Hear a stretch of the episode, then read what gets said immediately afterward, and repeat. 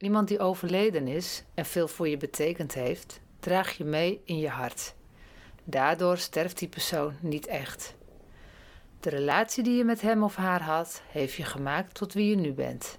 En dat is een mooie gedachte om aan vast te houden. In de vierde rouwtaak gaat het om herinneren en weer leren genieten van het leven. Je zult het moeten doen met de herinneringen aan die persoon en met dit gegeven een nieuwe toekomst voor jezelf opbouwen.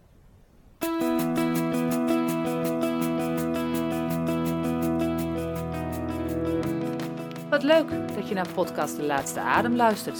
Mijn naam is Mirjam Koetsen en ik begeleid mensen die in de laatste fase van hun leven zitten, zodat ze deze periode op hun eigen wijze en op een waardevolle manier kunnen afsluiten. In de podcast ga ik het niet alleen hebben over rouw en rouwverwerking, maar komen ook onderwerpen aan de orde als afscheid nemen, uitvaartregelen, verwerken van trauma's, fit zijn en fit voelen, voeding, stress enzovoort. Ik wens je veel luisterplezier.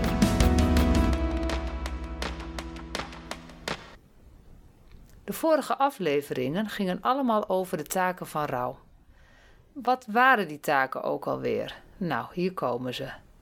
De werkelijkheid onder ogen zien, dat was de eerste. De volgende is de pijn van het verlies ervaren. De derde, uh, je aanpassen aan de wereld na dit verlies. En in de laatste rouwtaak, waar we het vandaag over gaan hebben, uh, gaat het over weer leren genieten en herinneringen bewaren. Nog even een kleine disclaimer vooraf. Ik realiseer me dat door het benoemen van de taken er met de vierde taak een soort van afronding komt. Als je de vierde taak hebt volbracht, dan is de rouw voorbij. Helaas, dat hoeft niet het geval te zijn. Je kunt je misschien wel voorstellen, ik in ieder geval wel, dat iemand die het verlies van een kind, uh, dat iemand dat niet te boven komt. En daarnaast heb ik in een eerdere aflevering gezegd dat die taken elkaar niet opvolgen, maar kriskras door elkaar heen lopen. Misschien vraag je je nu af, ja, waarom hebben al die rouwtaken dan voor zin?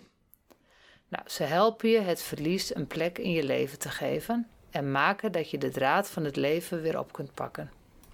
Rouwen betekent niet dat je iemand moet loslaten, je moet leren om die persoon anders vast te houden.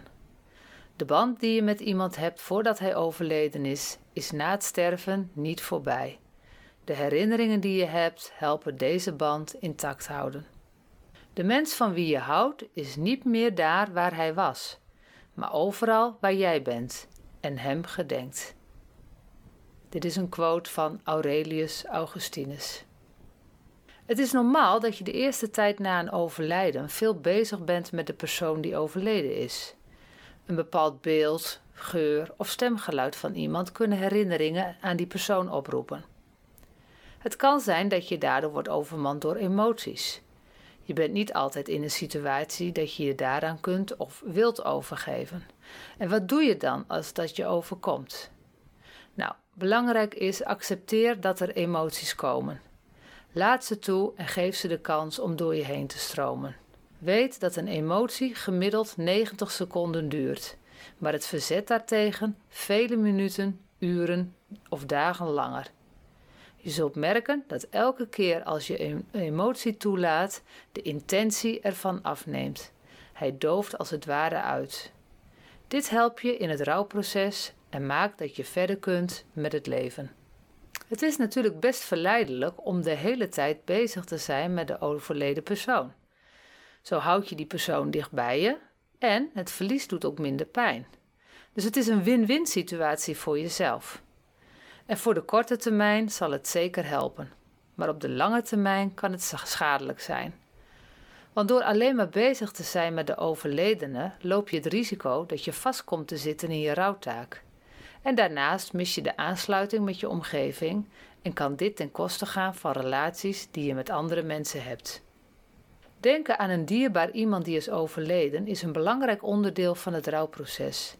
En het is ook wel heel normaal dat die persoon deel blijft uitmaken van je leven. En misschien zelfs nog wel invloed uitoefent op de keuzes die je maakt. Denk aan de gesprekken die mensen voeren met overleden personen en daar troost, steun of wijsheid uit halen. En dat is natuurlijk een prachtige manier om iemand levend te houden. Klaar zijn met de rouw betekent dan ook niet dat je iemand uit je leven moet bannen. De band tussen ouder en kind is bijzonder. Veel kinderen zullen na het overlijden van een ouder het gevoel hebben dat de ouder nog in de buurt is. Het is goed voor kinderen om met en over de overledene ouder te praten. Stimuleer kinderen dan ook om dat te doen. Ze leren daardoor dat het gezond is om de relatie met die persoon te onderhouden en dat het normaal is dat ze hun ouder missen en naar contact verlangen. Als je niet kunt accepteren dat iemand overleden is, dan loop je vast in je vierde rouwtaak. En de eerste weken en maanden is dit een normale reactie na zo'n ingrijpende gebeurtenis. Maar langzaamaan zul je wel de draad van het leven weer op moeten pakken. Herinneringen kun je op verschillende manieren. Zo kun je je richten op zaken die voor de overledene belangrijk waren. Hij of zij was bijvoorbeeld vrijwilliger bij een vereniging of een organisatie en jij neemt dan die plek over. Of je partner was bezig met een bouwproject en jij maakt het na zijn overleden af. Of jij gaat verder met het uitvoeren van de plannen die jullie samen hadden voor de toekomst, bijvoorbeeld een biologische boerderij in het buitenland beginnen. In dit proces kan het helpen te focussen op wat je nog wel hebt en minder stil te staan bij dat wat je niet meer hebt. In deze fase gaat het om zoeken naar het in contact blijven met de overledene en weer de drive voelen om dingen in het leven op te pakken die jij leuk vindt. Het is bouwen aan een nieuwe toekomst waar de overleden persoon deel van uit blijft maken. Als er kinderen overleden zijn, dan is de tijd waarop je kunt terugkijken en herinneringen maken veel korter dan bij een volwassene.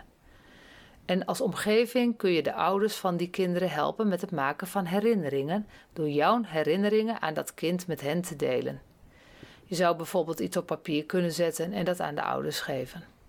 Bij belangrijke gebeurtenissen kun je ervoor kiezen om de overleden persoon op een of andere manier erbij te betrekken.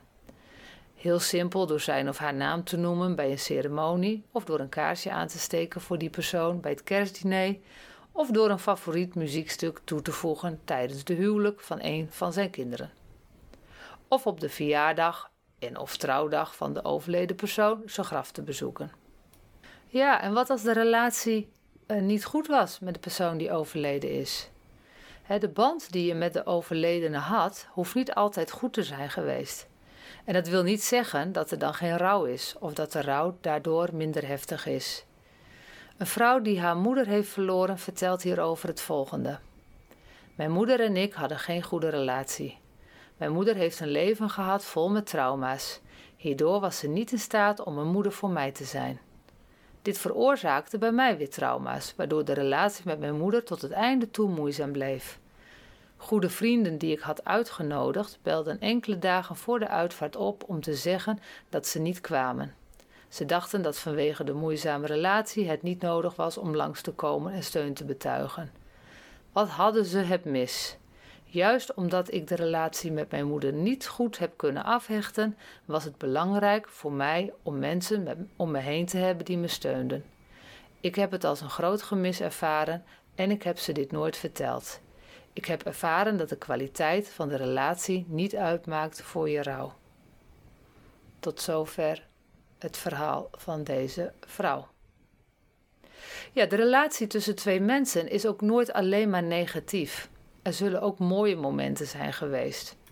En voor het doorlopen van de vierde rouwtaak is het belangrijk om een relatie vanuit verschillende perspectieven te bekijken en de momenten te koesteren waarin de relatie positief was.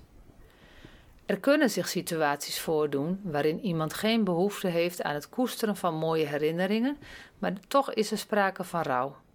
Als omgeving van een nabestaande kun je dan richten op hoe die persoon is omgegaan met de moeilijke ervaring. Wanneer je je tijdens het rouwproces alleen maar richt op de negatieve kant van de relatie, dan is de herinnering aan het leven van die persoon erg beperkt. Neem ook de tijd om je te focussen op het bredere verhaal van zijn leven, op alles wat je hebt gedeeld. Waardeer wat hij aan waarde in je leven heeft achtergelaten. En dit kan, ook al is het pijnlijk, troost bieden.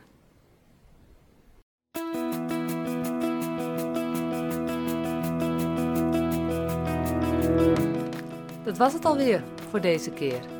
Ontzettend leuk dat je naar deze aflevering van de Laatste Adem podcast hebt geluisterd. Voor nu een hele fijne dag. Vond je deze podcast leuk? Deel hem dan met vrienden en mensen in je omgeving. Tot de volgende keer.